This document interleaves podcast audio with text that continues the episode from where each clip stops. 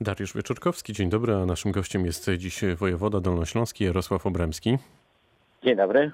Wczoraj dostaliśmy, panie wojewodo, informację o tym, że koronawirus pojawił się w Dolnośląskim Urzędzie Wojewódzkim. Jak dziś wygląda sytuacja, jak pracuje urząd, no i najważniejsze, jak pana zdrowie? No, dziękuję. E, No rzeczywiście mieliśmy wczoraj komunikat o jednej osoby, która co prawda od dwóch dni nie była w pracy, ale że wynik jest e, dodatni. E, No i zgodnie z procedurami kilkanaście osób, które miało bezpośredni kontakt, zostało przebadanych. Wszystkie wyniki są mm, do- tej pory ne- negatywne, z czego się cieszymy bardzo, bo no jednak pokazuje to, że z dużym prawdopodobieństwem można powiedzieć, że zakażenie tej osoby było zewnętrzne, to znaczy nie było wewnątrz, wewnątrz urzędu.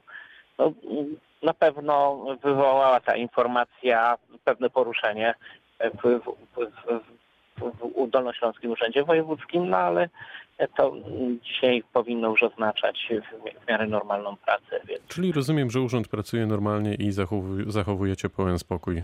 E, No, jest e, własnością każdego człowieka, więc trudno mi jak powiedzieć, jak, jak wszyscy w urzędzie się zachowują. Natomiast tak, aczkolwiek no, trzeba oczywiście powiedzieć, że tak jak wszystkie urzędy pró, pró, pró, przestrzegamy wszystkich, wszystkich reguł, plus, że no, mimo wszystko mm, popyt, czyli presja petentów jest trochę mniejsza niż, niż bywało e, jeszcze 2-3 miesiące temu. Także wczoraj e, KGHM poinformował o tym, że trzech pracowników kopalni Rudna zostało zakażonych e, koronawirusem. E, Tak się zastanawiam, czy to aby nie jest sygnał ostrzegawczy, żeby górnicy zaprzestali czasowo pracę, tak jak ma to miejsce na Śląsku. Mm, Nie chcę wyciągać szybkich wniosków. Wiem, że mm, są przedpostępowania prowadzone i no, wszystko musi być tak, jak mm, będzie to w wyniku konsultacji z, z powiatowym, z wojewódzkim e, sanepidem. To jest e, fundamentalna rzecz. No, proszę powiedzieć, że pamiętać, że jest to wielkie przedsiębiorstwo e, w skali no, te trzy, mm, trzy zakażenia oczywiście niepokoją, ale trzeba zobaczyć, jak ich jest źródło. Przed chwilą rozmawialiśmy o, o, o Urzędzie Dolnośląskim. Mogą być to źródła zewnętrzne i, i wystarczy odseparować tych górników i pewien krąg osób z, z nimi związane.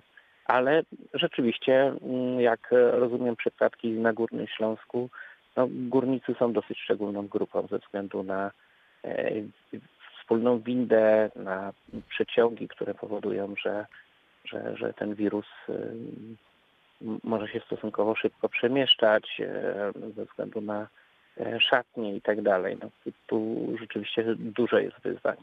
Koronawirus e, daje się we znaki tak, że no, prawie 60 osobom z ośrodka pielęgnacyjnego e, Niebieski Parasol w Chojnowie, mm, tam e, prawie 60 osób ma pozytywne wyniki właśnie na obecność e, koronawirusa. To jest chyba największe ognisko w naszym regionie. Ma pan pomysł na to, jak to rozwiązać?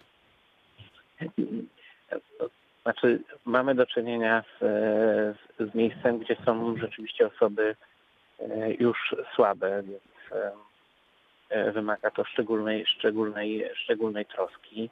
No, z naszej strony jest pomoc w sprzęcie ochrony osobistej.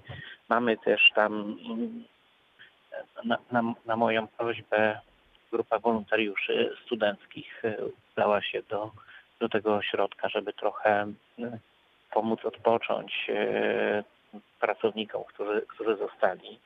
Natomiast e, raczej to jest taki przykład bardzo budujący. To znaczy, e, bardzo dobra postawa lekarza, bardzo dobra mm, postawa części personelu, który mimo, że jest za, zakażony, ale jest w miarę bezobjawowy, został ze swoimi pacjentami. I no, bardzo dobra też współpraca z władzami samorządowymi, zarówno panem burmistrzem e, Chojnowa, jak i e, starostą e, legnickim. Więc tutaj uważam, że znaczy byłoby niezgrabnie powiedzieć, że to jest pod kontrolą, ale powiedziałbym, że to, na co można mieć wpływ, to mm, zostało wszystko zrobione i, e, i no, czekamy. jest jak- pan jak dobrej myśli, innymi słowy. Tak, tak, tak. No, my mieliśmy też przecież e, dwa, prawie trzy tygodnie już temu dosyć dramatyczną sytuację z hospicjum w, w Nowogrodźcu i no, przyznam się, że to też e, nie tak źle e, było, jak na początku byliśmy e, przestraszeni. Panie wojewodo, Więc, no, no, nic tutaj nie jesteśmy w stanie zrobić oprócz prewencji. To znaczy tu do wszystkich DPS-ów, które ZOL-ów, które są e, zdrowe, no apeluję absolutne przestrzeganie wszelkich możliwych norm i zaleceń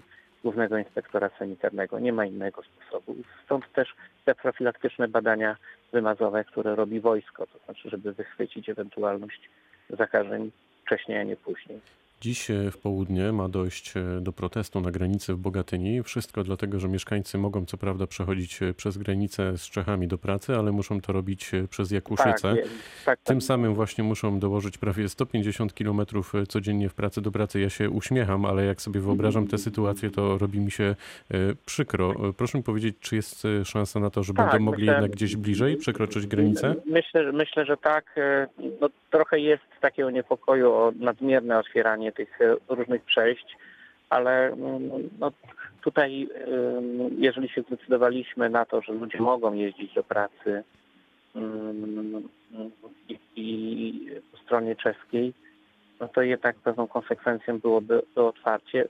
Jedynym, je, je, jedyną przesłanką to jest jednak e, mm, postawienie sprawy w sposób dosyć taki e, radykalny, ale mm, w tym myśleniu też jest pewien sens. To znaczy, że e, powinna część ludzi się zdecydować, że jednak w ciągu tygodnia pracuje w Republice Czeskiej i nie jest przenoszenie tam i z powrotem. No ale z drugiej strony, ja bym powiedział, tutaj skala zakażeń, czy w Czechach, czy, czy właśnie w okolicach Bogatyni jest bardzo zbliżona, więc bardziej bałbym się takiego przemieszczania się między Polską a Niemcami niż, niż Czechą. To rozumiem, e, oznacza, że niebawem będą jakieś zmiany, tak? Że będzie więcej punktów e, na granicy, gdzie ludzie będą mogli to, te granice to, przekroczyć. to, są decyzje, to są decyzje rządowe, ale, ale nie wykluczam tutaj e, dodatkowego poluzowania. Czy przed nami jeszcze szczyt epidemii, czy już e, raczej za nami? Co się zmieniło od naszej rozmowy trzy tygodnie temu?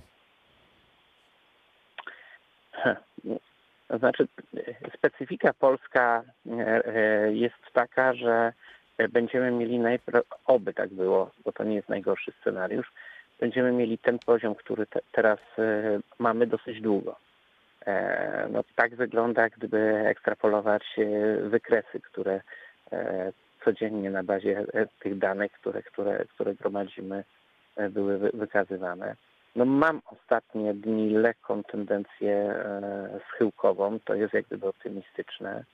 Były momenty, kiedy się bardzo cieszyliśmy, bo liczba osób, która mm, z plusa przeszła na minus, czyli jest już zdrowa, była większa niż liczba osób za, za, zakażonych, ale za każdym razem to mm, krótkie badanie niekoniecznie coś oddaje, ponieważ mo, może być trochę inna specyfika zbierania e, wym, wymazów.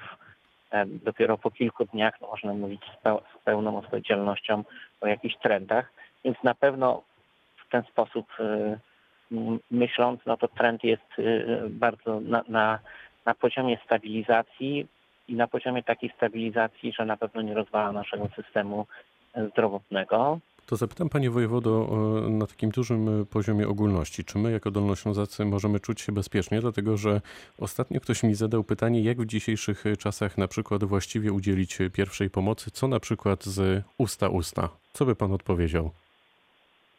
No, ja bym powiedział, że jeżeli jest coś.